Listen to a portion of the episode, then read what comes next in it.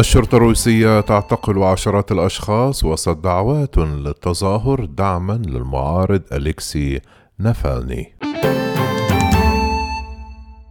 اعتقلت الشرطة الروسية السبت عشرات الأشخاص على هامش مظاهرات شارك فيها الآلاف في جميع أنحاء البلاد بدعوة من أنصار المعارض أليكسي نافالني للمطالبة بالإفراج عنه وكان فريق الناشط الشهير في مكافحة الفساد والذي كان ضحية تسميم مفترض خلال الصيف. نشر دعوات إلى التجمع في 65 مدينة روسية وبما أن السلطات لم تسمح بهذه التجمعات فقد يواجه المتظاهرون في جميع أنحاء روسيا اعتقالات وحشية وملاحقات قضائية. أوقفت الشرطة الروسية العشرات من الأشخاص المشاركين في مظاهرات في جميع أنحاء البلاد دعا إليها المعارض أليكسي نافالني للمطالبة بإطلاق سراحه. ومن موسكو إلى فلاديفيوستوك نشر فريق الناشط الشهير في مكافحة الفساد الذي كان ضحية تسميم مفترض خلال الصيف. دعوات إلى التجمع في 65 مدينة روسية. جرت الاحتجاجات الأولى السبت في أقصى شرق روسيا حيث خرج آلاف الأشخاص إلى الشوارع في فيلاديفيوستوك وخباروفسك بينما نشرت قوات كبيرة من الشرطة أمام المتظاهرين بحسب أنصار نافلني.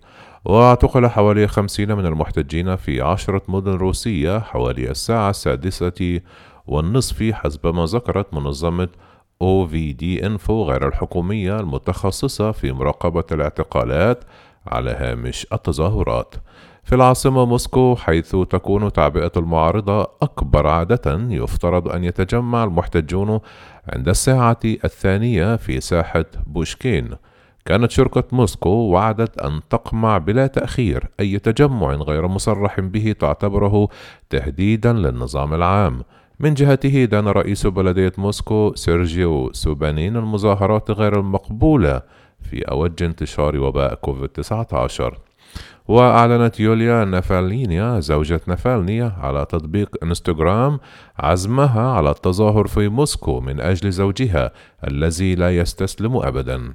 بينما أن السلطات لم تسمح بهذه التجمعات فقد يواجه المتظاهرون في جميع أنحاء روسيا باعتقالات وحشية وملاحقات قضائية.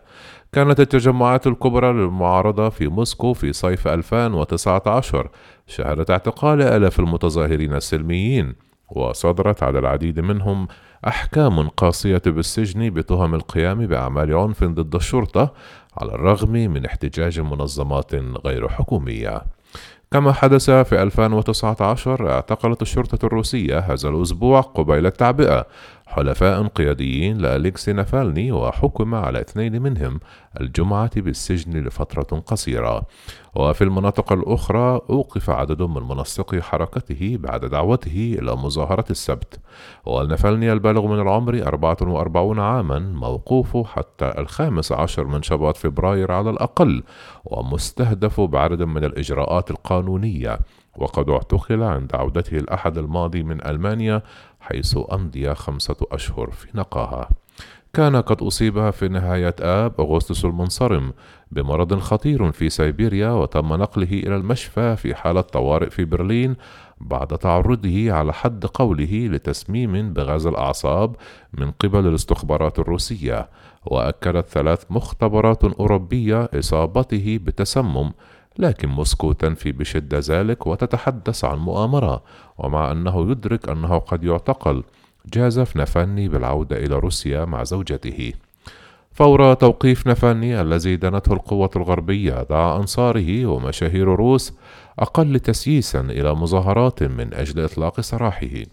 وتم تناقل آلاف الدعوات إلى الاحتجاج هذا الأسبوع على الشبكات الاجتماعية حيث يتمتع المعارض بحضور واسع بينما تتجاهله وسائل الإعلام الحكومية الروسية الرئيسية إلى حد كبير.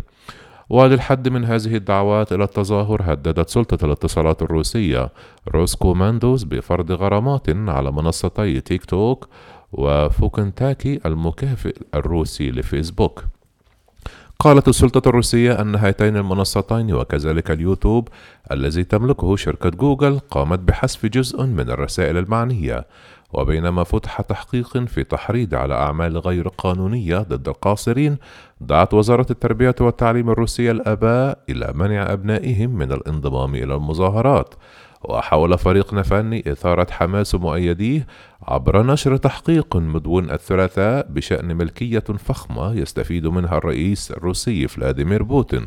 هذا المسكن الفاخر الذي يطلق عليه اسم قصر بوتين على شواطئ البحر الأسود كلف حسب المعارض أكثر من مليار يورو وتم تمويله من أقارب الرئيس ورفض الكرملين هذه الاتهامات حتى مساء الجمعة كان هذا التحقيق الطويل قد حصلوا على أكثر من 60 مليون مشاهدة على موقع اليوتيوب وهو رقم قياسي مطلق من بين العديد من التحقيقات التي نشرها نفالني في السنوات الأخيرة.